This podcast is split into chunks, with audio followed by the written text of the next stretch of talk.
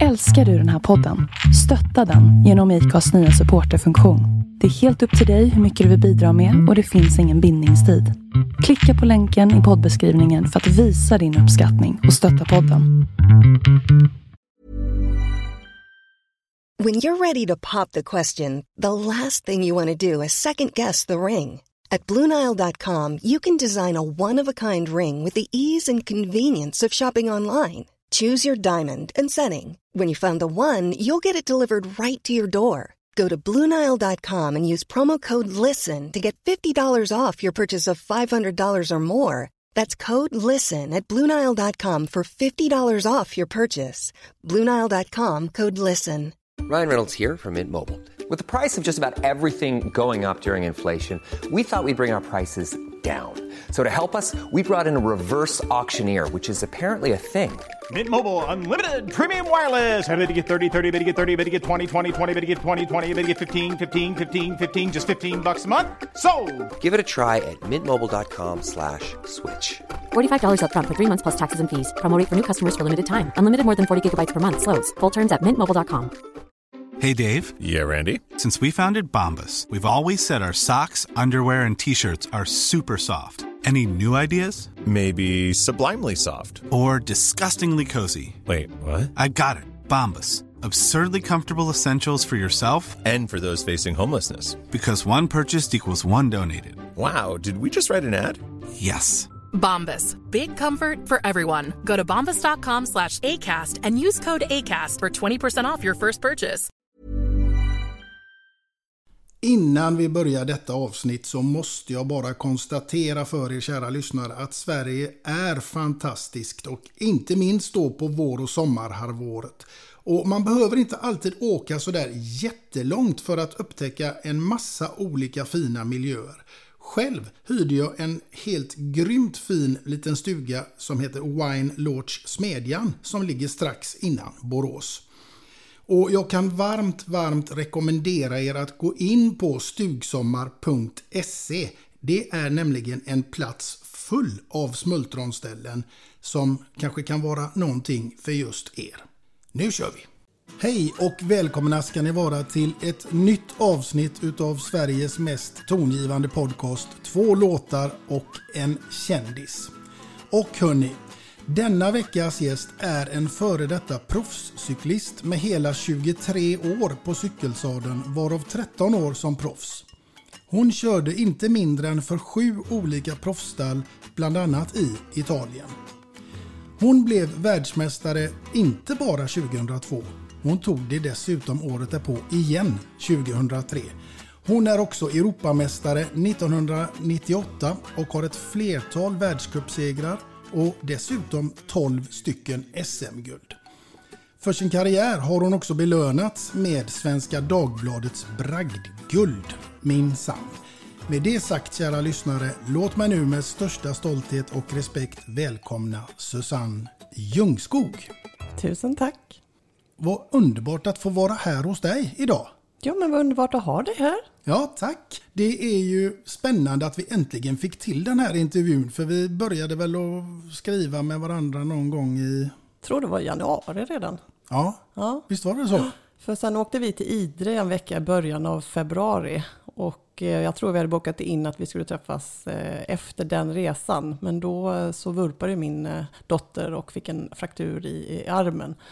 Och det blev lite strul med det. Så därför fick eh, jag ställa in då. Mm. Och sen blev jag sjuk och så fick vi ställa in då och sen så ja, blev det en bättre lucka nu helt enkelt. Precis, det är livet. Det är livet. Luckor, på tal om luckor, det, det ska vi komma in mer på sen. För det är ju sånt som du har haft i din karriär, tänker jag. Man ser olika luckor som man ska... Jajamän, luckor gillar vi inte. Nej, det gillar man inte. Du, vi ska komma tillbaka till det. Men jag tänker att först och främst så måste jag ju fråga, hur står det till med Susanne Ljungskog en dag som denna? Men du, det är fantastiskt bra. Eh, 47 år gammal har jag blivit och eh, bor här i Nykvarn tillsammans med min eh, man Mikael Gossi och vi fick en gemensam son eh, 4 juli 2019, han heter Erik.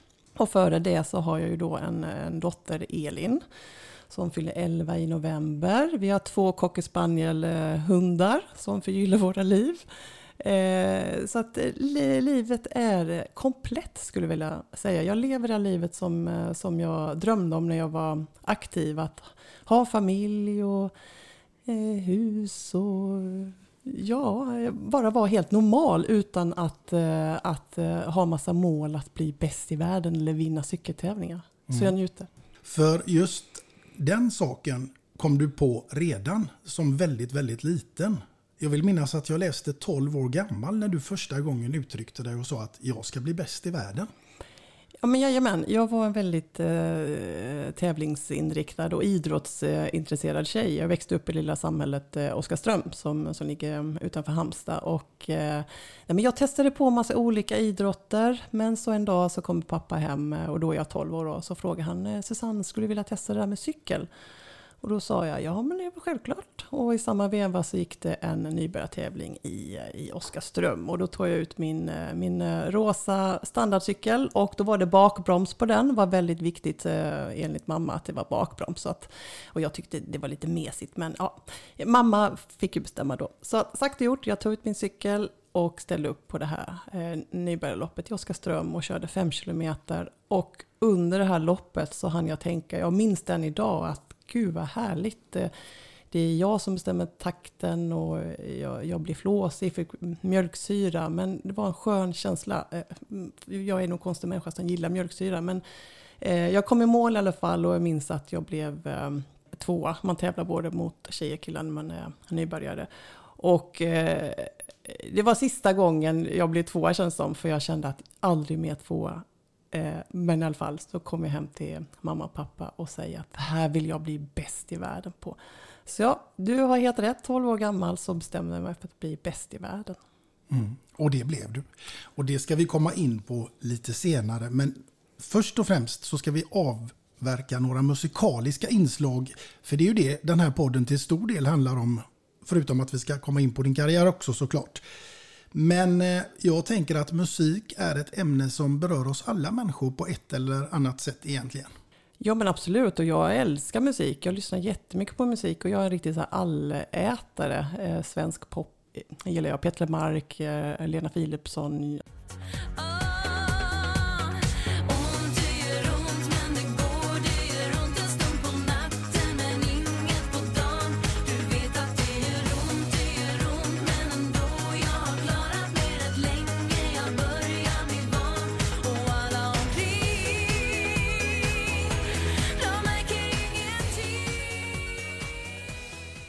Alltså Gyllene Tider, eh, Roxette, alltså det är ju, det är ju helt underbart. Så att, ja, eh, musik eh, älskar jag verkligen.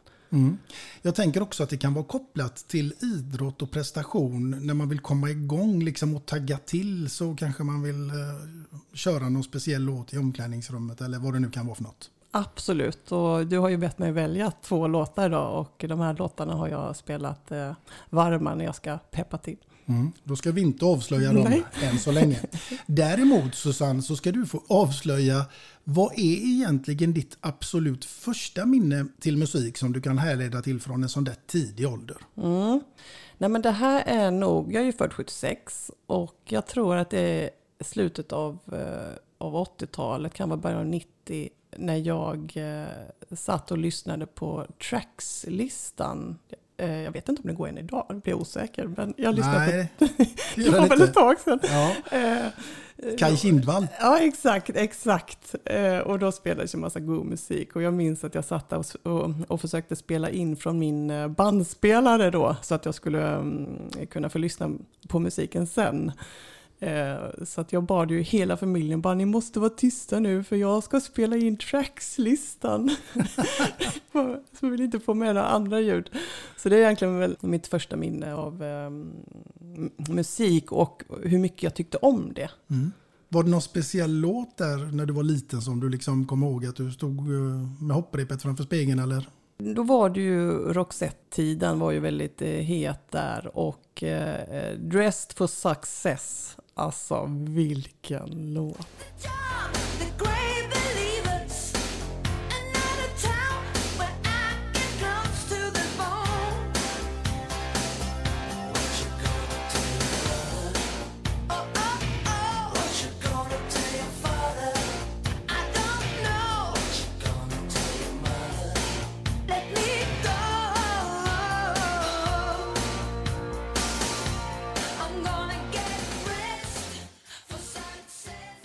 Jag har inte valt den nu, men eh, alltså den är så grym.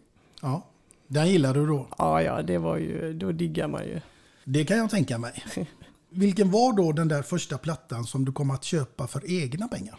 Ja, nu sätter du mig lite på prov. Jag minns att mamma kom hem då med eh, eh, CD-skivan Roxette och jag minns hur glad jag blev att jag fick, fick den. Men den jag köpte för egna pengar, det kan ha varit eh, Gyllene Tider. Kan det ha varit, men med viss osäkerhet.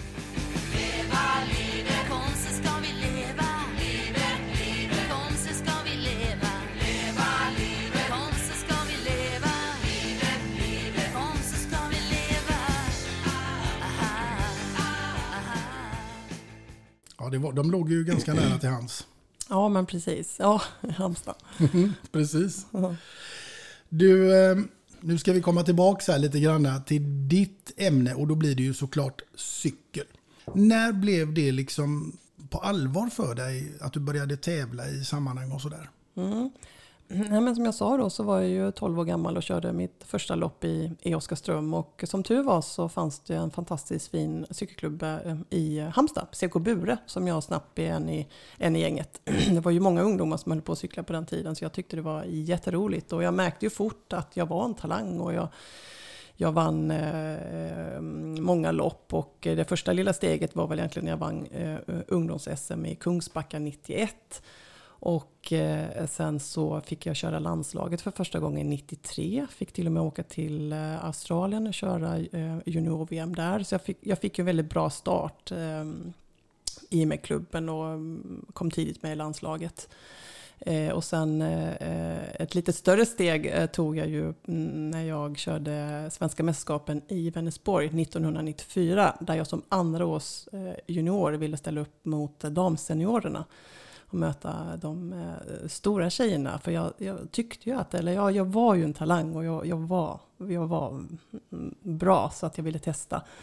Och eh, jag lyckades vinna både tempoloppet och eh, linjeloppet. Och jag kommer ihåg eh, efter eh, linjeloppet, så jag tror det var, kan det ha varit Karl Fredrik Johansson, Hallandsposten, som som frågade, eller kan ha varit Seger Berglund på Göteborgsposten också, som eh, frågade, ja men Susanne du verkar ju rätt eh, eh, bra, vad har du för ambitioner med din cykelkarriär? Och då vet jag att jag sa det inför allmänheten, eller lite så här osvenskt, att ja men hörru du, jag ska bli bäst i världen på detta. Så det, eh, svaret på din fråga, det var väl när jag bestämde mig på riktigt, det var när jag var 12 år, men det blev väl lite på riktigt då, kanske då 94, för då var jag ju ändå 18 år och eh, skulle gå ut eh, gymnasiet 95 eh, och då hade jag ju alltid att eh, satsa på cykel. Så någonstans däromkring så blev det på allvar. Mm. Har du alltid varit en sådan person som liksom har sådana där tydliga och klara målbilder av vad du ska göra? Ja, jag gillar att planera mitt liv. Hade jag fått välja hade jag velat planera eh, alla dagar fram till min död, känns det som. Alltså jag, är väldigt, jag älskar att planera. Om jag inte, eller ja, jag ska inte säga så, men jag tror att det är viktigt att man ändå har en liten eh, plan, för då får man saker och ting gjorda. Om man bara tänker att ah, men det där ska jag göra så är det lätt att det rinner ur sanden. Och eh, där har jag ju tur, för jag har ju en man som är likadan, att han också gillar att planera. Så vi eh, är bra synk där. Så att, eh, ja, planering eh, gillar jag. Jag gillar ju då att sätta, man måste ju sätta mål som, som, som idrottare. Liksom, vad ska jag, vilka mål måste jag uppnå innan jag tar själva världsmästartiteln? Och det är ju en jättelång resa. Och det är ju en lång karriär som jag hade. Och hur, det är ju lätt att säga att jag ska bli bäst i världen, men hur blir man det? Mm. För visst är det så att det har ju varit motgångar på din resa också? Ja, men definitivt. Det har verkligen inte varit eh, spikrakt. Eh, första riktig motgång var redan 95 när jag körde Tjejtrampet i, i Stockholm och eh, ville eh, såklart eh, vinna det och eh, vi kom in på, eh, på upploppet och det är ja, 300 meter kvar eller något. Jag ligger på tredje hjul och vi är på Gärdet i Stockholm och jag tänker att nu drar jag igång spurten och efter det så kommer jag inte ihåg någonting mer. Men tydligen har då mitt framhjul fastnat i framförvarens bakhjul och när framhjulet försvinner för en cyklist så är det kab kabuff ner i asfalten och jag lyckades eh, eh få i eh, munnen, eh, näsan rätt, in i, äh, rätt ner i asfalten. Och fick då en hjärnskakning så jag var helt borta. Så jag vaknade upp eh, på Gärdet och ser bara min mamma stå. Nej men lilla gumman, hur, hur, hur mår du? Hur är det? Och jag bara, var är jag någonstans? så det var ju en riktig motgång. Du kan tänka dig, jag är alltså 19, 19 år eh, och eh, ja, som jag har sagt, jag ville bli bäst i världen och så, och så hände det här. Eh, den var, var riktigt jobbig. Vill jag verkligen satsa på det här? Det verkar ju livsfarligt. Men jag tänkte att nu har jag gjort min vurpa. Det kommer inte hända igen. Och det, jag har faktiskt inte vurpat riktigt sådant. Det har jag inte gjort. Jag har vurpat men inte slagit mig så och inte brutit några ben och inte varit medvetslös och sånt. Så att på något sätt så, så, så, så, så bestämde jag mig att det kommer inte hända igen. Mm. Du har också som mest tränat tusen timmar per år. Läste ja. jag någonstans. Mm. Jo, men alltså man trappar ju upp eh, träningen eh, allt eftersom eh, åren och månaderna går. Eh, eh, man vänjer sig. Eh, och man, jag kanske började på en 700-800 timmar så trappas man upp. Då, men som mest var det uppemot eh, 1000 timmar och det innebär då i, i mil 2 500-3000 mil på cykel per, per år. Och som mest i en vecka så kanske jag tränar så 45 timmar. Jag, var, jag älskade att träna och jag eh, ville göra lite mer än alla andra. Och det innebär ju inte bara att man tränar utan det är många små detaljer runt omkring och där var jag väldigt noga. Mm. Ja, jag läste det också. Eh, allt från till var man satte foten på pedalen till eh, ramen på cykeln och mm många detaljer där som du Ja, absolut. Eh, jag träffade ju, och ska säga att jag träffade ju rätt människor på vägen eh, i min karriär och jag hade ju förmånen att faktiskt bli kär 95 i, i, i Claes Johansson heter han, han bor i, i Göteborg. Eh, och han hjälpte mig genom hela min karriär. För jag sa ju att jag vill, eller han, han såg ju att den här tjejen kan ju verkligen bli hur bra som helst. Men, men som jag sa då, hur blir man bäst i världen? Men på något sätt så, så visade Claes mm, vägen för mig. Och eh, i Göteborg så, så kände Claes, eh, en, eh, jag kallar honom cykelprofessor, Dieter Herbert som tyvärr har gått bort nu, men han var totalt hängiven cykel. Och, och han gjorde massa olika tester på vad ska man ha klossen egentligen på en cykelsko. Traditionellt så köper man ju cykelskor och så sitter ju klossen liksom på framfoten. Eh, men han gjorde en massa tester och han sa att nej men eh, Susanne du, du, du ska inte ha klossen där utan du behöver ha den eh, under hålfoten. Och man kan ju inte köpa en sko med klossen under hålfoten. Men vi trodde ju på den här liter och så vi tog fram borren och borrade i hålfoten och satte klossen där. Och det gjorde vi hösten 97. Och alla tester visar att det är där man ska ha klossen och när barn lär sig cykla så har de också eh, eh, hållfoten eh, i pedalen om man säger så. Så att eh, det var liksom en detalj. Och sen var det också viktigt så här, hur, vilken position har man på cykeln? Ja, men då vill jag ha en måttbeställd ram. Jag vill inte bara ta en ram i i mängden så här, som kommer till ett proffslag då. Jag blir proffs första gången eh, 98 och så frågar de Susanne hur lång är du? Ja men jag är 1,71. Jaha men då ska du ha en 50 cm ram här. Varsågod. Nej, nej men du vet att jag har en, eh, jag, jag har en ritning här. Jag vill ha en mått. Beställer ram och de bara tittar på en. Bara, är, du, är du god eller? men eh, det kanske var lite jobbigt i början men sen så såg de ju att nej men den här tjejen är ju rätt bra så vi ger henne det hon vill och så blir hon nöjd. Eh, så jag fick en måttbeställd matbeställd ram från alla lag som jag, som, som jag körde för. Och det här är ju väldigt ovanligt. Det är ju små detaljer vi pratar om egentligen. Eh, men de små detaljerna blir ju en helhet till hela kakan. Eh, träningen är ju en del och vila och bra mat är en del. Och sen utrustning och position och, ja, och sen vinna skallen är ju en annan del. Mm. Verkligen. Mm. Det krävs nästan att man är lite, osvensk i sitt sätt att tänka om man nu ska ta sig till sådana ytterligheter som att bli världsmästare och inte riktigt vara som alla andra. Nej, och där var väl jag rätt stark i, eh, i mig själv och mitt psyke att eh, jag följa andras vägar kändes som att nej, utan jag vill följa min väg och min väg menar jag då att eh, Klas då vi gjorde det här tillsammans. Eh, vi var ute på lopp ihop och eh, han var ute på mm, träningar när jag körde. Och jag kunde alltid bolla, få feedback. Så jag, om, vi, om var på väg ner i diket så kunde han liksom hela tiden bolla upp mig på vägen igen. Så att jag körde rakt fram och eh, slapp ta de här omvägarna till, till att bli bättre helt enkelt. Så att det, det är liksom, allt börjar med cykelklubben Bure, rätt stöttning därifrån och sen att man träffar då eh, rätt eh, människor på vägen som, som, som hjälper en. Och, eh, jag har ju haft hjälp av ehm, eh, många människor, men grunden till, eh, till allt är ju egentligen mina två föräldrar, mamma Britt-Marie och pappa Kjell, som har gett mig en stabil eh, grundtrygghet och mycket kärlek och du vet all mat som eh, en idrottare måste äta och eh, alla körningar till tävlingar och träningar. De har liksom alltid funnits där. Så att de har betytt otroligt mycket för, eh, för mina prestationer och just det här Eh, nej, men de har gett mig en grundtrygghet och eh, så otroligt tacksam för min mamma och pappa. Eh, jag minns eh, speciellt efter mitt första VM-guld i, eh, i Solder. Då kommer de till hotellet där vi eh, bodde och de fick kolla på medaljen och jag minns att vi bara stod där och tittade på varandra och kramades.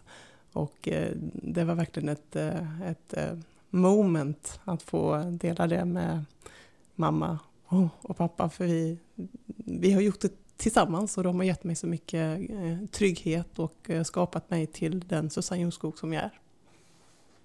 Som sagt, eh, till din fråga, det blir väldigt långa svar här känner jag, har så mycket att säga.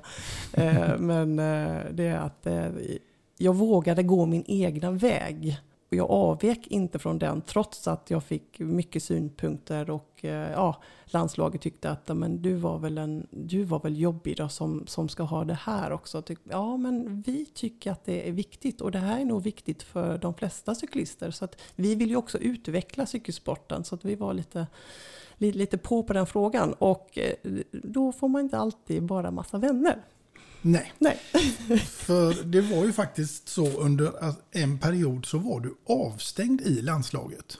Ja, jag var avstängd. Det var i VM i Ploé, Frankrike, två, år 2000. Så efter mål så, så, så blev jag portad från landslaget. Och eh, ja, men vad hände? Vill du veta vad som hände? Ska vi gå in på det? Ja, det tycker jag. det ska vi.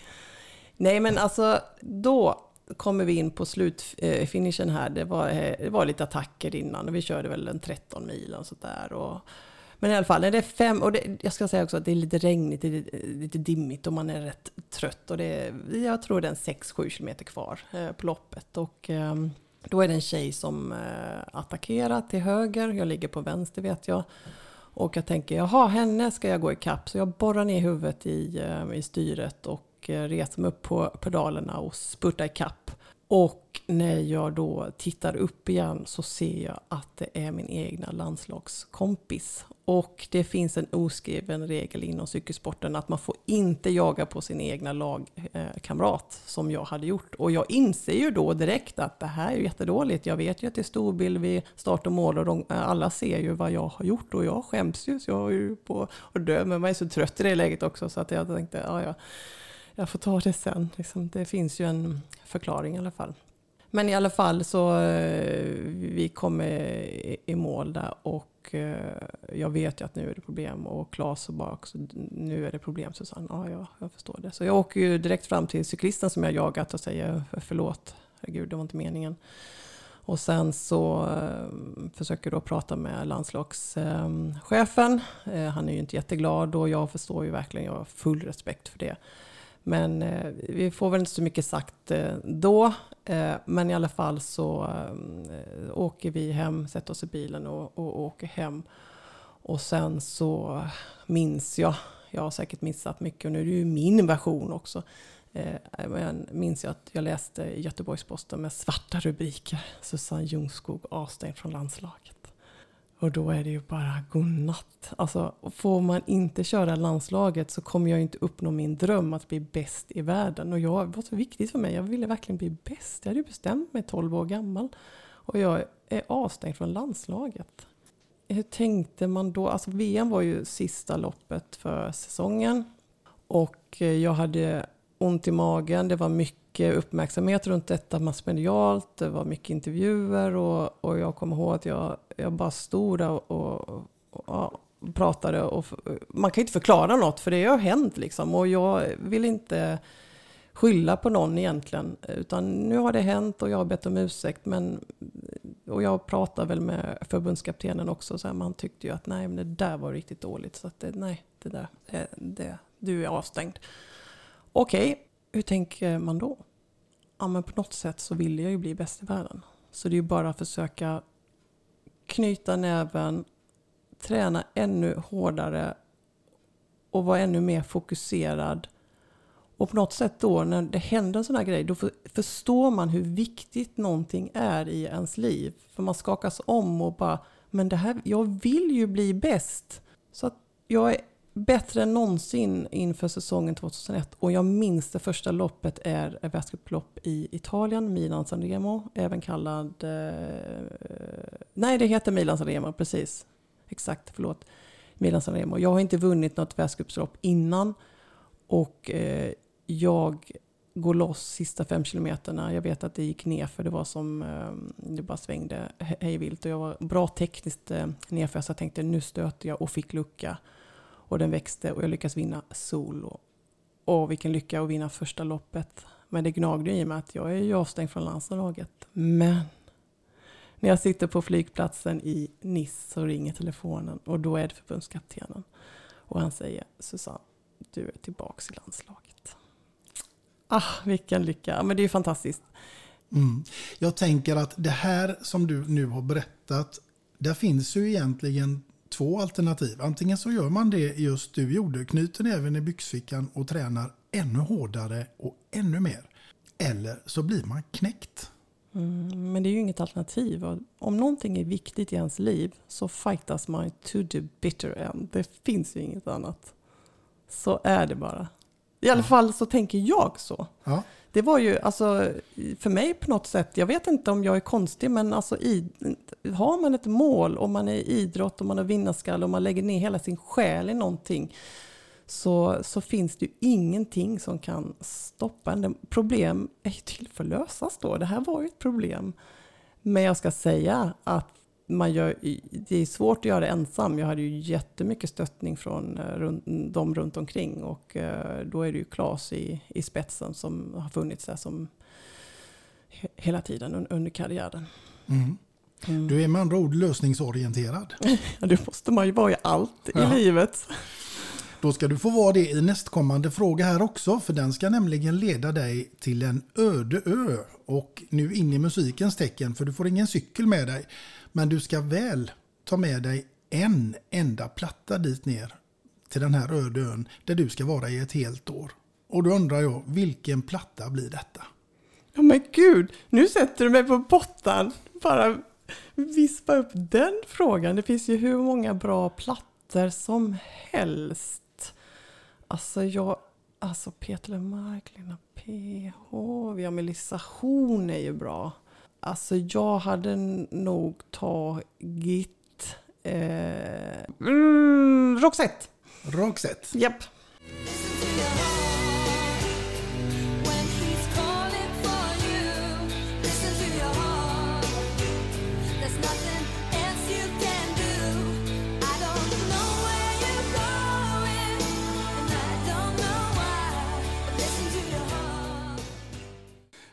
Då hade du klarat dig på en öde ö. Då hade jag ju, alltså det hade varit jättejobbigt på en öde ö ensam. Mm. Men då hade jag haft eh, bra musik och musik är ju eh, inspirerande. Mm. Du hade säkert hittat något att cykla på det. Mm, säkert lösningsorienterad. jag måste ju säga att jag har ju inga cykelmeriter direkt. Jag har en som jag är väldigt stolt över och det är att jag ändå lyckades cykla Göteborgsgirot på min sons Biltema-cykel med sådana här tjocka däck. Och då hade de satt upp sådana här tält nere på heden dit man kunde komma med sin cykel och, och få den lite iordninggjord. Så kom jag med min cykel och då så sa de du, det här är bara för de tävlande. Sluta! Vad dåligt! Och så skulle jag cykla liksom sju mil. Jag hade inte suttit på en cykel sedan i mellanstadiet typ. och jag cyklar och tar mig runt. Men jag gör ett misstag. Och det är väl kanske efter tre mil eller någonting sånt där. Jag ställer mig upp, eller jag liksom reser på mig i vart fall. Okej. Och sen ska jag sätta mig igen. Och det var ingen bra idé. Alltså, jag hade så ont i röven. Så att, Alltså jag förstår det. Är man inte van att sitta på en sadel då gör det jätteont. ja, jag tänker hur kan man vänja sig vid det? Och du som har suttit i så många mil. Alltså, Nej, men det här var ett stort problem. Eh, det räcker ju att ha ont i benen tänker man när man cyklar. Men alltså för mig var det verkligen ett jätteproblem med att sitta på en sadel. Eh, jag fick till och med operera mig efter karriären för att det, det såg sådant ut där nere. På den nivån var det. Så att jag har inget bra svar på frågan. Eh, Numera när jag inte tävlar och inte behöver göra dopingtester då använder jag kräm som innehåller något eh, bedövande medel. Det är Lidokain. och det är ju dopingklassat. Så att det kunde man ju inte ha när man, när man var mm, proffs då. Eh, så att eh, nu går det hyfsat, men under karriären, ja men man vänjer sig. Man får väl lite av en, någon slags läderhud eller något. Men då, när man, så jag vet eh, efter VM, det var i sista loppet, gick då i oktober månad, början av oktober, så hade jag en viloperiod på tre, fyra veckor. Alltså, det var ju min semester på, på året. Bara fick göra vad jag ville och vila från sadeln och bara inte titta på cykeln. Och eh, då så, när jag skulle börja cykla igen, då kände jag ju verkligen att gud vad ont jag gör, för då var man ju ovan igen. sätt. Så att, eh, svaret på frågan är väl att man, man vänjer sig även om det gör skitont hela tiden. ja, jag vet inte, jag hade aldrig blivit kompis med den smärtan. Nej, nej, men jag blir inte heller det. Nej. Nej, men jag var ju så hela tvungen. Jag var ju, skulle bli bäst i världen, så jag var ju tvungen att sätta mig på sadeln. Du, är det några pengar i, i cykelsporten? Måste jag ju fråga. Ja, men, men det är väl en jättebra fråga. På min, jag kommer ihåg första året jag blev proffs, 98, var för tyst lag, de hette Greenier Hawk, jag tror det var någon grönsakshandlare. Och då vet jag hösten 97 då, när jag och Claes för övrigt tog några avgörande beslut för min karriär, att jag måste bli, bli proffs och jag måste ha ett riktigt träningsprogram. För jag kände att säsongen 97 så var jag Eh, stagnerande. Jag presterade inte längre och då vet jag hösten 97 satt jag vid köksbordet i Surte och tog några avgörande beslut. Och eh, ett av besluten var att bli proffs då.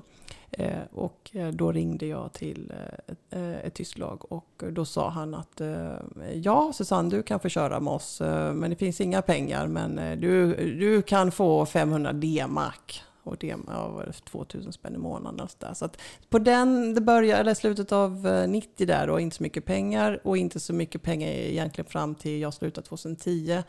Eh, jag kunde överleva på det men det var mycket tack vare Sveriges olympiska kommitté också som jag måste hylla varmt från mitt hjärta för de gjorde verkligen att eh, jag kunde satsa och slappna av lite eh, just ekonomiskt för jag fick bidrag från, från dem. Men då Eh, svaret på din fråga. Eh, det, man blir, jag blev absolut inte rik eh, på sporten, men utvecklingen har gått framåt som är där. Så att nu, nu tror jag tjejerna har någon slags minimilön i alla fall. Och jag har ingen aning hur mycket.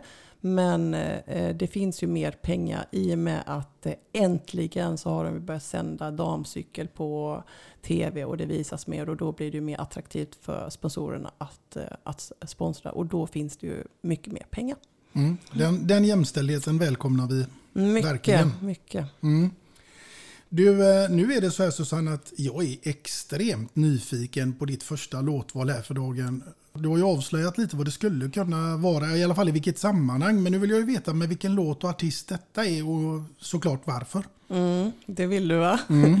ja, alltså jag har ju valt två låtar då och de två är egentligen... Nej. Nej, jag ska inte säga. Jag ska inte säga andra, jag lovar. Men jag vill bara förklara att de kommer från, ehm, från samma, nästan från samma årtal. Och, det, och vi pratar ju nu, den första låten, då är den från 89, slutet av 80-talet där, när jag började bli tonåring och ja, du vet det där med tracks och, och sådär.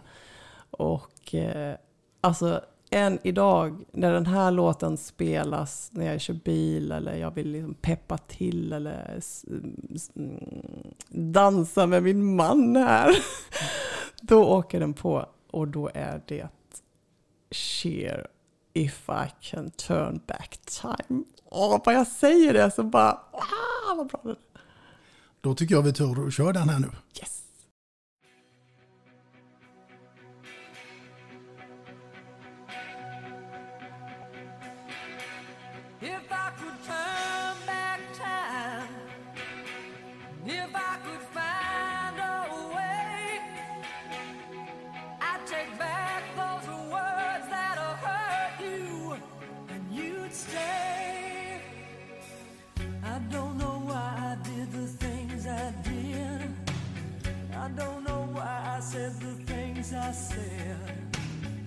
as I could knife, it can deep inside.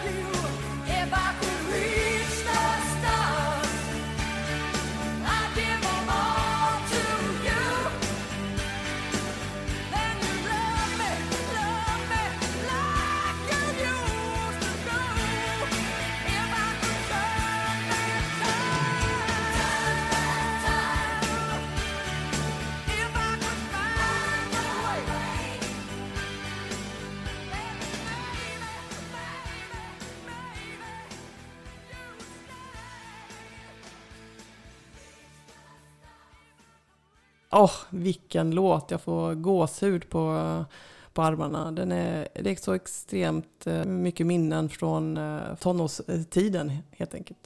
Mm. Tonårstiden tänker jag ju också att måste ju ha varit att du har, jag vill inte använda ordet försaka, men du tränade så pass mycket så att du kunde väl kanske inte riktigt göra det som alla de andra gjorde? Nej, jag minns i skolan då, då var man indelad i olika gäng och jag var ju absolut inte den som var med i det här rökgänget som var lite, de tyckte var lite coola då, utan jag var i det här lite nördgänget som, eh, som pluggade mycket och sådär. Och jag pluggade inte så mycket utan jag var, tränade ju och tävlade och gick hem och, och la mig och, och sov. Eh, och eh, var väl en riktigt präktig tjej. Så. Mm. Är du det än idag? Ja, jag är faktiskt det, eh, tycker jag. Eh, jag är väl eh, präktig, det låter ju lite präktigt måste jag säga. Jag är inte Nej, jag är inte präktig, men åter tillbaka till det där med planering och det är viktigt med vissa saker och motion och rörelse för mina barn och äta bra mat och, och allt sånt där. Så, så att, ja, det är säkert många föräldrar som tänker så såklart, så det är inte bara jag, utan ja. Du, vi ska ta oss in i ett scenario nu när du går här hemma och städar. Eller ja, du går och städar. Radion är på. Helt plötsligt så dyker det upp en låt på radion som får dig att känna nej, inte en chans. Det här stänger jag av eller byter kanal. Vad skulle det kunna vara? Ja, det är när de, eh, vad heter det nu, rap. Mm. Alltså det är jättesvårt, det har jag svårt för. Mm. Förlåt alla rappare, men det, jag vill ha sång. Jag har svårt för pratande. Mm. Ja. Då stänger jag av. Då stänger du av. Den, då åker den av helt enkelt. Då åker den av eller så byter jag kanal. Mm. Om man vänder på den här frågan och säger vem skulle få skriva låten eller visan om Susanne Ljungskog? Ja, eh, den frågan är ju mycket bra och där har jag ett svar för jag har lyssnat mycket på Peter Lemark och han skriver så fantastiskt och jag älskar hans låtar. Eh, Alltså de har ju gått varma kan jag säga dig. Eh, Så att han skulle, Peter Lemark skulle få skriva en låt om, om mig. Det hade nog blivit en låt med fart i. Ja, ja, det hade det nog blivit. Eller så hade det blivit eh, Spela upp en sorgsen sång med Little Willie John.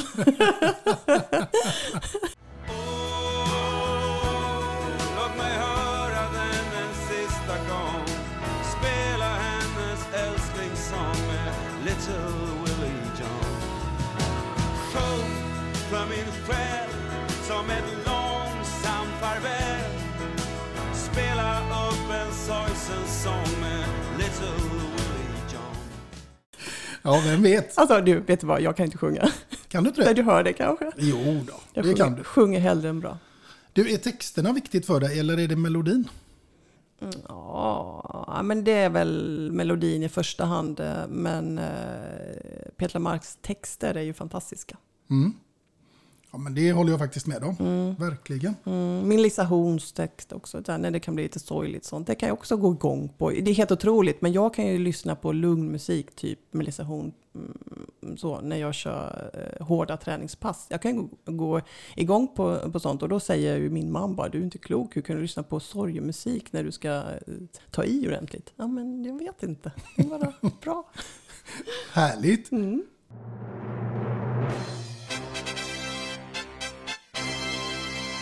Det var en signal som betyder fem snabba till Susanne Ljungskog. Intressant. Mm. Har du fått det förut? Ja, det kanske jag har fått. Ja. Det har jag nog. Men de här har du inte fått. Nej, jag kan tänka mig det. Ja. Din lurifax. Ja, är du redo? Jajamän. Vara bäst bland de sämsta eller sämst bland de bästa? Sämst bland de bästa. Surströmming eller levergryta på tallriken i en vecka? Levergryta. Vara kung i baren eller främling i sällskapet? Främling i sällskap. En vecka med Leif och Billy eller en vecka med Jocke och Jonna? Det är jättekul. Jag är ju ingen youtuber, men jag har hört talas om dem. Eh, Men det, jag är inte så jättebekant, men om jag ska välja så är det Leif Billy. Mm, då blir det roligt, det kan jag lova. Ja, vad bra. Är du eh, blått och flott eller grönt och skönt? Blått och flott. Ja, där ser du. Det var inte så himla svårt. Nej, det var det ju inte. Nej.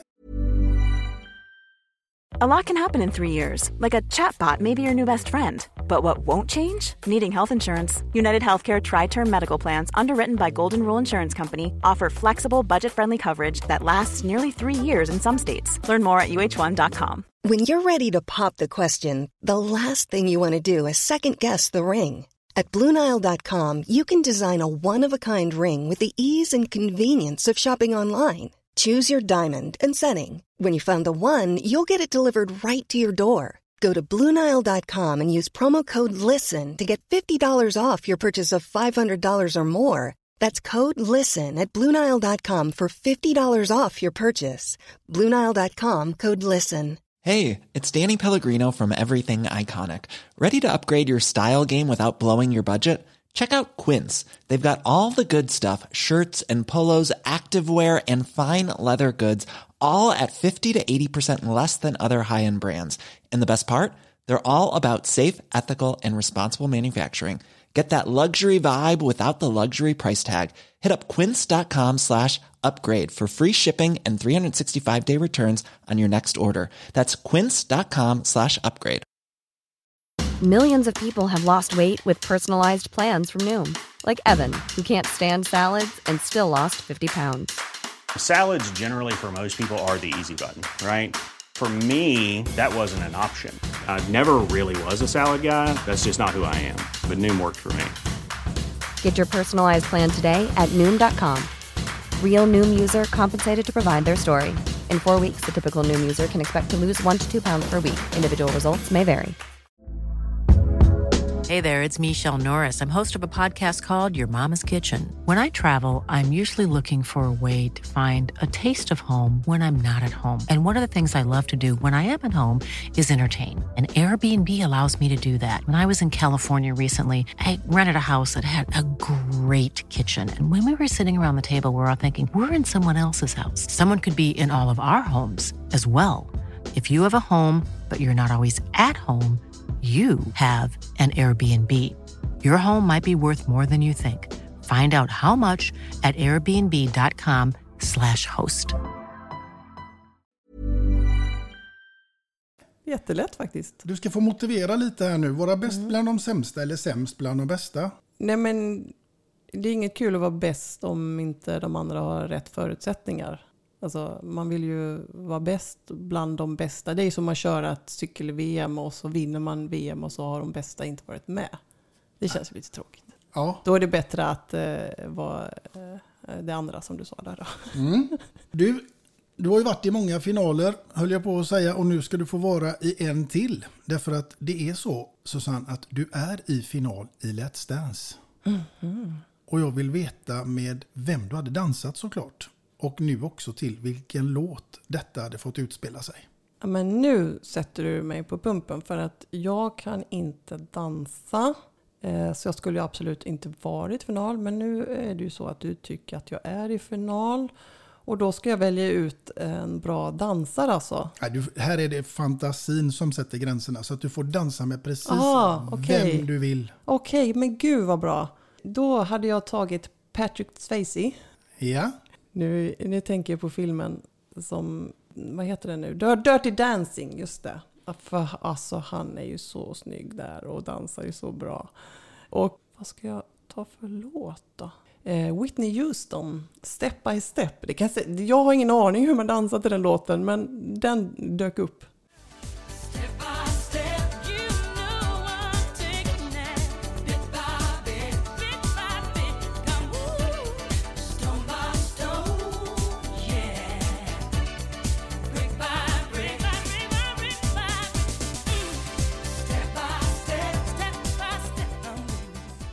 Det här tror jag Tony Irving hade gillat. Du tror det? Ja, tror de ringer nu från eh, Let's Dance och frågar, vill du vara med? Ja, men det är väl ett bra tips till TV4-redaktionen här nu, Let's Dance. Ring nu till Susanne Jonskog så hon får sätta igång och träna dans. Ja, men då har de ju en riktig utmaning kan jag säga. Mm, det vill de ju ha tror jag. Ja, ja. Mm. Mm. Stel. Nej då. Du, eh, vi ska gå vidare i eh, din cykelkarriär faktiskt också. För att vi ska ta oss till årtalet 2002. Mm. Det är ett speciellt år för mig. Det var ju det året som jag eh, faktiskt eh, vann, eh, vann VM och blev världsmästarinna. Ska jag berätta om loppet eller? Ja, det tycker jag. Ja, det tycker du. Jo, nej, men då är det då VM i belgiska Solder. Jag eh, har haft en väldigt bra säsong bakom mig. Jag toppar världsrankingen och har vunnit det sista loppet inför VM, Toscana runt jag har kommit tvåa på Tour de France och det, den är ju, det är inte så många som vet det, men då körde vi alltså två veckor eh, runt om i Frankrike och körde de här eh, bergen, eh, kända bergstopparna som Col de Madeleine och Galabier och Tourmalet och allt vad det nu heter. Så att, nej men jag hade en fantastisk eh, säsong bakom mig och eh, kommer då in i VM med jag vill ju vinna VM för jag vet att det är bra, självförtroendet är på topp, allting är egentligen bra. Men banan är dålig för mig, för den är platt. Nästan platt i alla fall. Och jag var en sån cyklist som ville ha lite upp och ner för att eh, kunna mm, hamna i en, en grupp om ja, sex, sju stycken och kunna spurta om det. Eh, blir det en stor klunkspurt in i mål, som det oftast blir, så vet jag att då har jag svårt att vinna. Eh, så hur, hur tänkte vi då? Ja, men då var det ju taktik lite på hög nivå där då. Eh, 14 mil cykel, jag tror vi körde en sju varv runt. Eh, och taktiken var totalt glasklar att jag skulle bara sitta lugnt och fint i, i klungan och spara energi. Inte vara med där framme och dra och inga attacker utan spara energi för att försöka utmana de värsta spurtarna eh, för att vinna mitt, mitt guld där. Så att Inga konstigheter alls. Eh, loppet startar. Det är lite regnigt också, vilket passar mig i och för sig, för jag kommer från Sverige. De är van vid regn. och eh, halva loppet går och då är det en attack av tre väldigt bra cyklister. Um, och de går iväg och uh, mitt jag säger ju till mig att upp och stå, bara kör i kapp. Nej, just det, jag skulle ju sitta lugnt och ta det easy och spara energi. Så jag sätter mig ner på sadeln och ja, Alltså, ni anar inte hur många gånger jag ångrar mig. Alltså de här tre cyklisterna, de får 30 sekunder, de får en minut, en och en halv minut, ja, två minuter. Loppet går och ingen kör. Och nu tänker väl du då, ja men du kan väl köra ikapp själv. Ja, men det funkar inte så. För kör jag ikapp själv så när det är platt så får man oftast eh, eh många cyklister bakom och så drar jag ikapp och så kommer vi ikapp och så är det en attack och då har jag inte en suck att gå med för då är jag ju trött. Liksom. Så att jag var tvungen på något sätt att lita på mi, mina svenska tjejer som körde landslaget med mig och eh, de övriga landslagen att de skulle börja köra. Och Ja, men när det är tre varv kvar, då, eller ja, två varv kvar, två och ett halvt kanske, då, då börjar de köra. Jag bara tack gode gud, nu så blir det körning här. Så vi börjar ta in en och en halv minut och jag tror när det är eh, fem kilometer kvar, jag tror då är det nere i 40 sekunder eller sånt där. Och, men ändå är det liksom, kommer vi hinna ikapp? Alltså, och, och, och bara en liten passus här. Mina föräldrar var på plats, men vet du vad? De var på väg hem för de hade gett upp. Det, det, var, blir ju inget, det blir ju ingenting för det var, de här tre var ju loss och de, det kommer ju stå mellan dem liksom, så de var ju på väg därifrån. Men i alla fall, som sagt, fem kilometer kvar, ja, 30 sekunder och när det är eh, tre kilometer kvar då är det en liten, liten kulle så då stöter en eh, holländsk cyklist. Eh, och jag tänker, jag går med, nu måste jag bara med. Eh, för nu, nu är det bråttom. Ska vi komma ikapp så är det nu eller aldrig. Och jag går på hjul på henne, alltså jag ligger bakom henne och hon drar. Och ehm, eh, på något sätt så alltså är det kravallstaket på höger sida. Och eh, hon går till höger och till höger. Och jag tänker så här, men jag, jag ligger ju här, du kommer köra in i mig. Och, och det gör hon ju till slut. Så hon kör in i mig eh, och jag spänner armarna. Eh, och, och liksom, bara för att inte jag ska vurpa då. Men hon vurpar och sen har, har jag fått en tredje cyklist bakom mig. Och hon kör över Eh, den här holländskan då. Så hon gör kullerbytta. Och jag bara hör hur det bara, det smäller ju bakom mig. Och jag vänder huvudet bara, och så har jag en lucka. Och det är då två kilometer kvar till mål och, och jag vet att ja, men det är ju så tajt, jag måste ju skynda mig. Det är ju, jag måste ju ikapp nu, för kommer jag ikapp de här tre så kommer jag ju vinna mitt guld, jag är så säker. Så jag bara det är så lite kurvigt och så är det regnigt. Och så, så jag kör ju som en Kawasaki genom kurvorna och jag minns bara, att det där gick ju för fort. Bakhjulet bara liksom bara lyfte mig. Jag bara, jag måste ikapp. Ja, så när det är 500 meter kvar så kommer jag ikapp dem. Och eh, så, så, jag, jag är ikapp och, och då hör jag i um, snäckan, eh, ösnäckan i, i, i, i örat att eh, Susanne, ta nu tre djupa andetag och sen smackar du hem det här guldet. Och jag bara, Tre djupa andetag och eh, när det är en, två, 250-200 meter kvar så bara vet jag att det är nu, nu, nu måste jag dra, dra igång spurten. Och dra igång den och eh, ja, jag får en liten lucka direkt och eh, jag seglar in i mål där och ser mållinjen och jag passerar den först. Det är helt otroligt för att det blev så hektiskt på slutet och vi var så uträknade. Så det, allting blev så, ske sker så plötsligt. Så jag var tvungen att fråga, jag tror jag, 20 gånger i radion eh, till förbundskaptenen. Bara, var jag verkligen först? Var det ingen framför? Är jag världsmästare? Det var så svårt att ta in. Mm. Ja, det är så fantastiskt. Jag såg ju detta på Youtube igår innan jag möter dig här idag och jag hade gåspäls och nästan tårar i ögonen. När man ser din kamp och kommer först över mållinjen. Och det här är det ju många i Sverige som uppmärksammar för att det leder ju också till att du får Svenska Dagbladets bragdguld för din insats. Mm. Ja, och, och bragdguld ska man ju få när det verkligen är en, en, en bragd. Som jag sa, vi var uträknade och ändå på något sätt så, så lyckas jag, jag vinna. Så det blev ju en, en bragd. Sen var det ju många om budet. Jag vet, det var ju Klyft och det var ju eh, Stefan eh, Holm och eh, eh Christian Olsson, göteborgaren, trestegarna. Det var många om budet där så att jag visste ju att det, det blir tajt men på något sätt så, så valde de mig. Jag är så tacksam att de valde en eh, cyklist. Eh, så det var, det, var, det, var, det var coolt att, eh, att få. Ingenting som jag kunde påverka själv, vilket jag tycker är jättejobbigt. Jag tycker om att påverka. Men då fick jag det här priset i alla fall, så det var väldigt roligt. Mm. Och den juryn hade ju helt rätt. Därför att året därpå, 2003, så gör du om prestationen och blir världsmästare ännu en gång. Ja, men en gång är ju ingen gång. Man måste ju vinna två gånger för då är det forever. Så brukar jag tänka. Eh, nej, skämt åsido.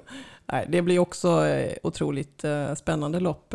Jag tänker inte dra det så, så, så långt där, men det var en tjej som var loss, Jenny Longo, jag vet hon var över 50 år och har cyklat i 100 år, kändes det som. Och jag tänkte, hon hade ju redan vunnit många VM.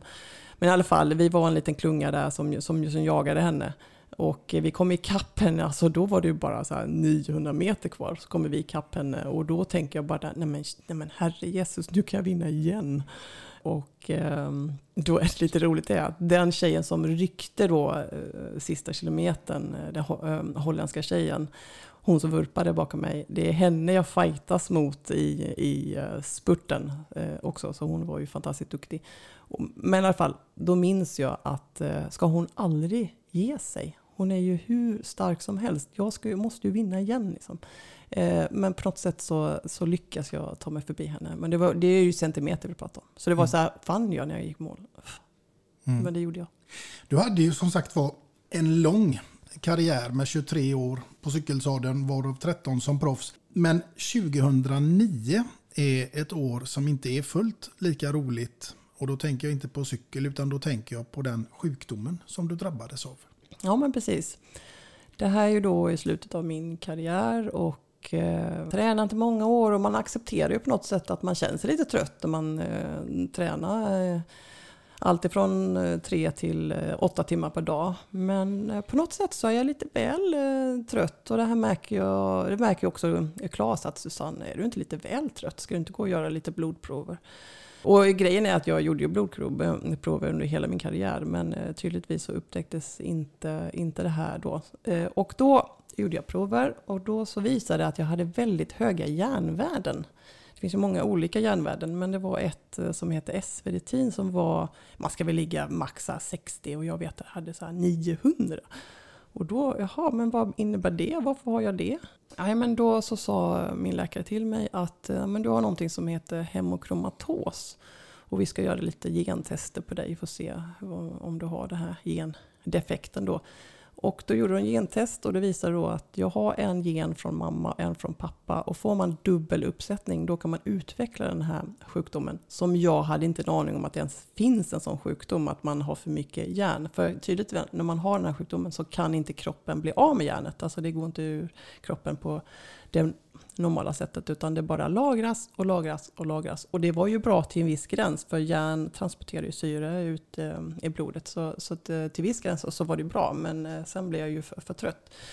Och eh, hur löser man det? Jo, men då blodtappar man sig. Alltså man tappar sig på blod. Så det var väldigt intensivt första månaderna för att få ner det här värdet.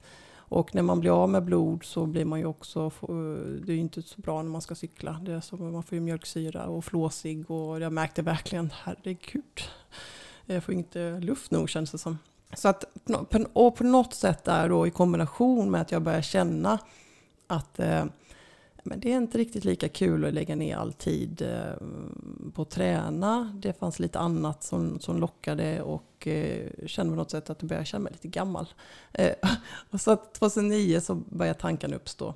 Och 2010 tog jag beslutet att nej men det är dags att lägga ner det här nu. Mm. Och då hade du som sagt var en gedigen lista av segrar och framgångar. Mm, ja, ja, det hade, hade jag, tack. Mm. Innan vi går vidare vad du gör efter din karriär så ska vi faktiskt komma in på ditt andra låtval för dagen som jag också är grymt nyfiken på vad det skulle kunna vara. Men jag förstår att det kommer ifrån din karriär på något sätt. Men det ska du få avslöja nu. Ja. Ni kanske tycker att jag är lite tjatig men det här är då 91. Och eh, eh, det är också en låt som har förföljt mig hela livet. Eh, som jag sett så jag hör den i bilen, jag höjer till eh, högsta volym och bara eh, älskar den. Och, eh, det är eh, London Beat, I've been thinking about you.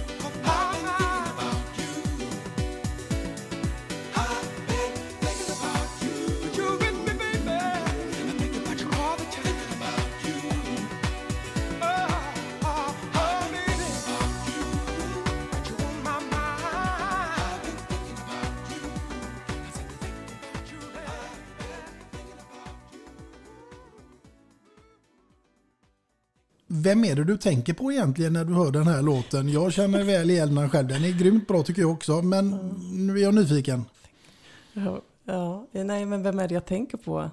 Eh, nej men det, det är ju olika vem i livet som man eh, delar sitt eh, liv. Jag har ju inte haft en och samma partner och det tog slut med den här Klas eh, 2008 också. Så, så att det, det är inte honom jag har tänkt på hela tiden utan eh, när, jag, när jag hör den låten då tänker jag på den jag är tillsammans med och nu är jag ju stabilt gift med, med min Mikael då så när jag hör den låten då tänker jag på Mikael. Mm. Det är bra. Ja, du, jag tänker också om det är något särskilt minne från din cykelkarriär som du har kopplat till den låten. Mm. Nej men det, det, är det, det är det faktiskt. Eh, eh, jag, jag gick igång mycket på mm, musik och spelade eh, låtar. När jag, jag spelar alltid musik när jag, när jag tränar och då sitter jag på trainen i, i garaget här ute så är det alltid liksom Eh, hög musik och eh, bara gasa hjärnet. Många går igång på Swift och man ska mm, kunna se mm, hur man kör. Men jag bara, det är hög musik och trampa på. Eller jag har ett program såklart. Eh, så att den, den låten eh, tänker jag på då. Men också eh, mitt, eh, mitt första mm, VM-guld så, så gick den här låten i, i huvudet på mig. Lite konstigt men eh, den liksom, I've been thinking about you. Mm. Du, vi ska tänka oss vidare här och nu ska vi tänka oss tillbaks till eh, 2012. Det är året då vi i svenska tv-sofforna kan bevittna dig och din framfart i det härliga programmet Mästarnas Mästare. Mm. Ja, det var ju fantastiskt. De ringde ju ganska tajt in på där när jag hade slutat cykla. Vi spelades ju in 2011. Jag var jätteglad att jag fick ehm, frågan för det här är ett program som, som jag har tittat mycket på och har tyckt att det, de verkar ha så mysigt ihop. Och tur, turen hade jag ju att jag fick eh, vara det året som Pernilla Wiberg var med. För hon var min eh, idol när jag var liten. För hon var verkligen bäst när det gällde. Och jag var så imponerad. Liksom, när trycket är som värst och bara levererar, levererar hon och vinner. Det gick jag igång på verkligen.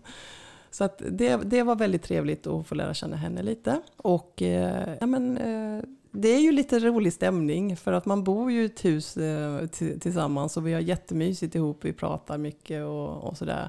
Men så fort det blir eh, tävling så var det som att det var, alla bara ändrade sig. Jag hade inte en vän någonstans kändes det som. Och, eh, så att det var ju verkligen full, eh, full, full gas, på, på, på liv eller död på något sätt. det var jätteroligt. Ja men det kan jag tänka mig när liksom, hur många var ni? 12 eller? Ja, vi var indelade, det var första året som var, vi var indelade i två grupper. Eh, Mm. Så att jag, jag tror det var sex i varje grupp. Mm. Ja men tänk Ja. dig ändå sex vinnarskallar i ett hus liksom. Ja, exakt. Och det, det som var så roligt, det var så här, ingen vill ju åka ut eh, först.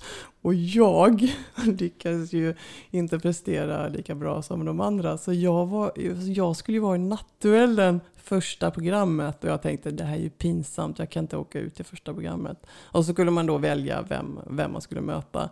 Och då valde jag Stefan Schwarz, fotbollslegendaren där. Och eh, jag vet han var också så peppad. Vi var, när vi satt i bussen ut till det här stället så var det var, liksom, det var knäpptyst.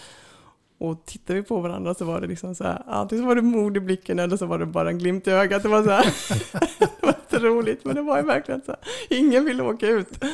Ja, så, och jag har aldrig varit så nervös när vi, när vi stod där och höll, eh, höll oss vid de här eh, käglorna då, eh, och så tändes då ett ljus. Liksom. Jag var alltså, alltså fokuserad, det var helt sjukt. Men jag lyckades, jag lyckades vinna över honom i alla fall och så, så skönt att inte åka ut först. Mm. Det gick väl ganska bra för dig också. Du tog väl ända till sista omgången där va? Ja, men jag var ju med i fyra program i alla fall, tror jag. Mm. Så att jag lyckades hanka mig fram där. Men det var svårt i tävlingarna. Eh, svårt och svårt, men alltså det var, det var tufft. Det, var, det är ju vinnarskallar bara. Och, och jag som cyklist, jag tyckte jag kände mig lite, så lite stel. Och jag, kan, jag var bra på att cykla, men allt annat jättedålig. Du, nu finns det däremot ett par eh, vänner som kanske får passa sig när du ska få ett uppdrag här nu. För du känner ju väl väl till sagan om Snövit och de sju dvärgarna. Och de, där finns det ju ett antal olika karaktärer som Kloker, Toker, Trötter, Butter, Glader, Blyger och Prosit. Mm. Herregud. Nu, Susanne, så ska du få den stora äran att dela ut de här olika karaktärerna till några utav de du känner och har runt omkring dig i din omgivning. Mhm. Och då undrar jag ju givetvis, vem skulle då kunna få bli kloker? Ja, Kloker. Eh, Dieter Herbert, alltså cykelprofessorn som jag kallar honom. Eh, för han, eh, han var så hängiven cykel och han var så smart så det var inte klokt. Så han var, han var kloker. Mm. Då tar vi oss ifrån honom och tills dess raka motsats och då hamnar vi hos Toker. Oj, oj, oj, Toker. Vem var Toker? Toker, Toker, Toker. Skulle vara, ja, det skulle vara min hund, min cockerspaniel eh, Mello. För hon är helt tokig. Hon är helt uppfostrad. Och jag tänkte säga nu då att så hon, hon förstår inte vad man säger. Men det är väl klart, jag har inte uppfostrat henne. Så det är klart att hon är toker. Ja. Då tar vi oss till Trötter. Ja, trött är jag själv. Det är du själv ja. Ja. ja. Då tar vi oss från Trötter till Butter. Ja, det skulle väl vara någon konkurrent i så fall som man märkte blir lite grinig. Hon den här, eh, jag, som sagt jag blev tvåa på Tour de France då och hon som, som vann, när jag vann över henne så blev hon butter. Mm. ve- Vem var hon då? Hon var en vitryska, Sinaida Staguskaya och tyvärr är hon faktiskt död. Hon blev påkörd och dog. Usch. Beklagar. Mm. Men hon får bli Butter. Hon var butter då ja. Mm. Mm. Då tar vi oss från Butter till Glader. Glader, eh, nej men Glader, nu kom jag på det. Det är ju min son. Ja. Erik, han är alltid glad. Ja. Spelar ingen roll som händer. Alltid glad. Erik får bli Glader. Japp. Då tar vi oss från Glader till Blyger. Till Blyger. Mhm. Ja, nu kom jag på det. Ja, det här är intressant. Eh, Anna van der Breggen, hon är ju, slutade förra året cykla, men hon vann ju OS i eh, Ri- Rio de Janeiro 2016. Rätta mig om jag har fel nu. Det var Rio, Rio 16 ja. Hon har vunnit VM-guld och sånt där. Men jag vet eh, i början av hennes karriär så körde hon ihop med mig. Då var hon ju så ung. Eh, och, då, och, och hon var jätteblyg. Mm. Och vem ska nu få prosit då? Är det någon som nyser mycket? Nej men prosit, jag tycker att eh, vi har ju en svensk eh, danskcyklist, Emilia Ferlin, som har fått, haft mycket skador och varit lite sjuk och sådär vid fel tillfällen. Eh, Så att hon får väl bli prosit. Mm. Det var väl inte så svårt ändå? Du redde ut det här ganska bra tycker jag. Ja, med lite hjälp av dig ja. Ja, ja. Bara lite tips. Mm, tack. Du, nu vi ska gå vidare här för nu tänker jag att om du hade varit i min roll, du hade varit programledare här nu för två låtar och en kändis. Vem hade du velat ha framför dig då? Mm. Det där är ju en intressant uh, fråga. Vem jag hade velat intervjua. Ja, men frågan är om inte jag hade valt uh, Bill Clinton. För att ställa alla frågor hur man gör när man styr världen. Och, och det finns många frågor jag skulle vilja ställa till honom. Mm. Så att jag hade nog valt Bill Clinton. Som din- Konstigt, men jag gillar honom. Han Ja. är trevlig och lugn människa. Mm. Ja, nu vet vi vem som skulle vara din favoritgäst här i podden och eh, nu är det faktiskt så här Susanne också att vi sitter ju här i ditt kök. Och eh, nu är ditt uppdrag följande. Du ska få ha en middagsgäst, död eller levande. Det är bara fantasin som sätter gränserna. Jag vill veta vem det hade varit, vad du hade bjudit den här gästen på till middag och vilken låt som hade fått ligga där i bakgrunden till den här fantastiska middagen. Mm. Det är också en eh, trevlig fråga. Som eh, finns ju jättemånga man skulle vilja bjuda på, eh, på middag och sitta och samtala med. Men då är jag åter tillbaks faktiskt till, eh, till, faktiskt till Peter Lemark. För han har, han har påverkat mig eh, mycket tycker jag. För han skriver så bra, jag lyssnat så mycket på hans låt. Jag skulle vilja prata med honom. Eh, sitta och samtala. Och eh, då hade jag bjudit på en rätt nu som har blivit eh, vår fredagsfavorit här hemma. Och då är det eh, kyckling med mango chutney. Så har vi lite ris till det och en god sallad. Så hade det blivit. Eh, väldigt lätt rätt att göra. Eh, steker lite kyckling och sen rör man ihop en sås på grädde och crème fraîche och mango chutney och lite curry. Och så häller man det över i en form och så in i ugnen. Och så ris. Det är extremt gott. Och det är uppskattat av barnen också. Så det är bra. Eh, och ja, men, vi hade ju såklart spelat Tutula. Jag har slutat fråga och undrar varför Jag får inga svar, man lever tills man dör Lagom doser glädje, lagom doser gråt Däremellan leden man aldrig kommer åt Med Peter Lemark själv. Såklart. Ja. Och vad hade ni druckit till då? Just det, vad hade vi druckit till detta? Nej men eh, jag är absolut ingen vinkännare alls. Eh, men jag gillar eh, rött vin. Så det hade blivit eh, ett glas Amarone. Mm. Mm. Det låter gott. Ja. Både med mat och dryck. Yes, tackar. Ja, är det din paradrätt? Nej men det har blivit det nu. Eh, har det blivit eh, senaste tiden. Sen kan paradrätten säkert ändras. Det går lite sådär. Ibland, alltså det brukar vara fredagstacos men vi har gett upp det nu. Vi tycker det blir lite tjatigt så att då har det blivit det här med kyckling istället.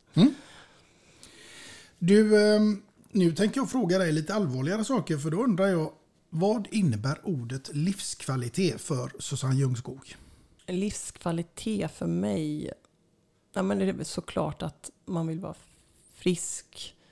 Jag vill ha familj och jag vill kunna träna. Det, det är ganska brett med livskvalitet, men just det där med att kunna röra på mig, eh, vara eh, frisk och kunna vara ute i naturen mycket. Då eh, känner jag att jag mår väldigt, väldigt eh, bra.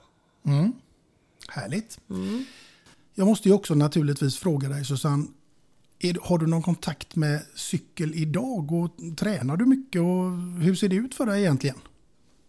Ja, men det är ju så att jag älskar fortfarande att ehm, cykla. Det är bland det bästa som finns, att sticka ut på cykeln och känna eh, vinden och ibland mjölksyran också.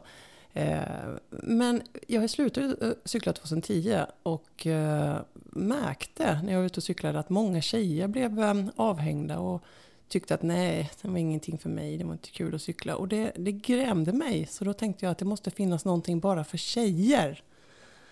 Och eh, därav att eh, eh, eh Tim Ljungskog kom till. Det är egentligen kort sagt ett kvinnligt nätverk för kvinnliga motionärer, ovan som van, som gillar cykling, god mat och social samvaro. Så att alla ska få känna gemenskap och eh, att alla ska vara med och ingen ska vara rädd för att bli avhängd utan att alla ska älska cykelsporten precis som, som, som jag gör. Så att eh, ja, jag cyklar eh, mycket med Tim Ljungskog och åker bland annat på cykelmatresor till Italien. Men sen har jag mina lokala ledare som, som driver Tim, Tim Ljungskog på, på, på orten med cykelträningar och lite matinspiration med mera. Ja, men det är ju ändå härligt att höra att du fortfarande ger tillbaka till eh, cykelsporten och eh, låter glada motionärer finna nöjet i det också. Och om du nu skulle få ge ett tips till alla, både tjejer och killar, som skulle vilja börja och cykla som Mm. sport. Mm. Vad har du för gott råd att ge till dem? Till ungdomar som ska börja cykla menar du? Mm. Nej, men då är det ju först och främst att eh, söka sig till en cykelklubb så man får träffa likasinnade. Det är nog viktigt där i den åldern att, eh, att det är roligt och att man har eh, kompisar runt omkring. Det var i alla fall för mig. Det var jättekul med alla killar och tjejer som höll på att cykla då. Och sen att man då får tips och råd vad man ska mm, ha för cykel. Och man kanske kan få låna en cykel. Det är ju ganska dyrt att köpa cykel. Så att, eh, och sen eh, så man kanske inte be- behöver vara så extrem eller som jag var att man måste bli bäst i världen utan eh, ha, försöka ha roligt på, på vägen och som sagt då söka sig till en cykelklubb och få tips och råd den vägen. Mm. Vi tar oss ifrån det bra tipset till hur dina morgonrutiner ser ut. För det är jag nyfiken på också. Mm. Ja, morgonen är viktig. Oj, oj, oj, jag är ingen rolig människa på morgonen. Nej, jag är inte det. Eh, jag gillar, jag är en tröttare också, så jag, min man är så här, men Susanne, sover inte du för mycket? Bara, nej, nej, jag kan ju gå och lägga mig eh, vid nio, men jag försöker undvika det för då blir han för sur. Så att jag, eh, nu är vi inne på kvällsrutiner och jag skulle svara på morgonen, men jag måste, komma, jag måste bara ha lite förklaring. Att eh, jag gillar att sova, så jag går och lägger mig i tid och sen eh, är jag är jag trött på morgonen när jag vaknar. Så jag har på då kvällen innan preppat eh, kaffebryggan så jag bara kan eh, knäppa, eh, knäppa på, på knappen. Så att när jag vaknar på morgonen så tar jag ut eh, mina öronproppar. Sover alltid med öronproppar. bara för att inte bli störd. Vet ej varför. Men jag vaknar ju klart när Erik ropar. Eh, så att jag tar ur öronpropparna och ja, men det är ju toaletten, svett, tvätta ur ögonen lite och eh, känna att man, eh, att, eh, att, att man lever. Sen tar jag trappen ner till köket och klämmer på kaffe, kaffebryggan och tar fram två rostmackor ur frysen, stoppar in dem och tar fram smör, marmelad, ost. Gud vilken onyttig frukost har jag nu. Men ja, det, det äter jag till frukost ihop med då kaffe och äppel, äppeljuice. Eh, Ska jag ut och eh, cykla lite så kanske jag äter lite gröt också. Jag körde Trosetampen igår förresten. Då var det rö- havregrynsgröt som, som stod på programmet. Men generellt sett så är det verkligen eh, kaff- kaffe och mackor. Och det var precis det jag var ute och fiskade efter, om kaffet var viktigt för dig. Jaha, det var det. Ja, Ja. det är jätteviktigt. Och, och Mikael, då, min man, har sagt det. Varför? Jag behöver ingen kaffe. Liksom. Det är inte så viktig fråga för honom. Och jag kan inte förstå hur man inte kan dricka kaffe på morgonen. Det är ju liksom livselixiret. Man behöver det för att komma igång. Så att en morgon utan kaffe, då hade jag varit riktigt grinig. Riktigt grinig. Ja, det var tur att du hade druckit kaffe när jag kom idag då. Ja, eller hur? Det är nämligen så här Susanne att jag vill be att få bidra med någonting till dina morgonrutiner och det är med våran fina kaffemugg här. Två låtar och en kändis och dessutom ditt namn ingraverat på baksidan så att alla nu ska veta att det här är din mugg. Ja men det är ju underbart, den är jättefin. Susanne Ljungskog och två låtar en kändis. Men gud vad fin den är. Den kommer jag använda jättemycket känner jag. Ny favorit, tack. Härligt och ett jättestort tack till dig Susanne Ljungskog för att du ville medverka här i podden Två låtar och en kändis. Det har varit en fantastiskt stor ära att få ha med dig som gäst. Tack snälla för att jag fick vara med. Och till er kära lyssnare så hoppas jag ju självklart att ni finns med mig i nästa veckas program och vem som då sitter framför mig det återstår ännu att se. Men tills dess så får ni ha det så bra där ute. Hej då! Hej då!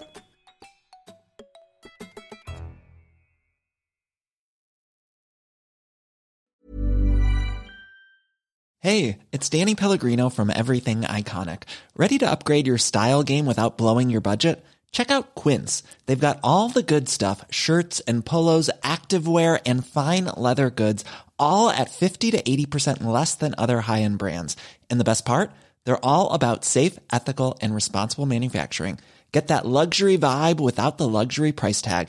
Hit up quince.com slash upgrade for free shipping and 365 day returns on your next order. That's quince.com slash upgrade.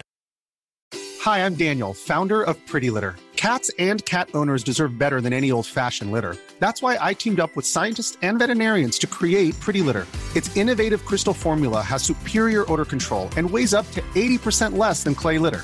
Pretty Litter even monitors health by changing colors to help detect early signs of potential illness. It's the world's smartest kitty litter. Go to prettylitter.com and use code ACAST for 20% off your first order and a free cat toy. Terms and conditions apply. See site for details. Even when we're on a budget, we still deserve nice things. Quince is a place to scoop up stunning high-end goods for 50 to 80% less than similar brands. They have buttery soft cashmere sweaters starting at $50, luxurious Italian leather bags, and so much more. Plus, Quince only works with factories that use safe, ethical, and responsible manufacturing. Get the high-end goods you'll love without the high price tag with Quince. Go to quince.com slash style for free shipping and 365-day returns.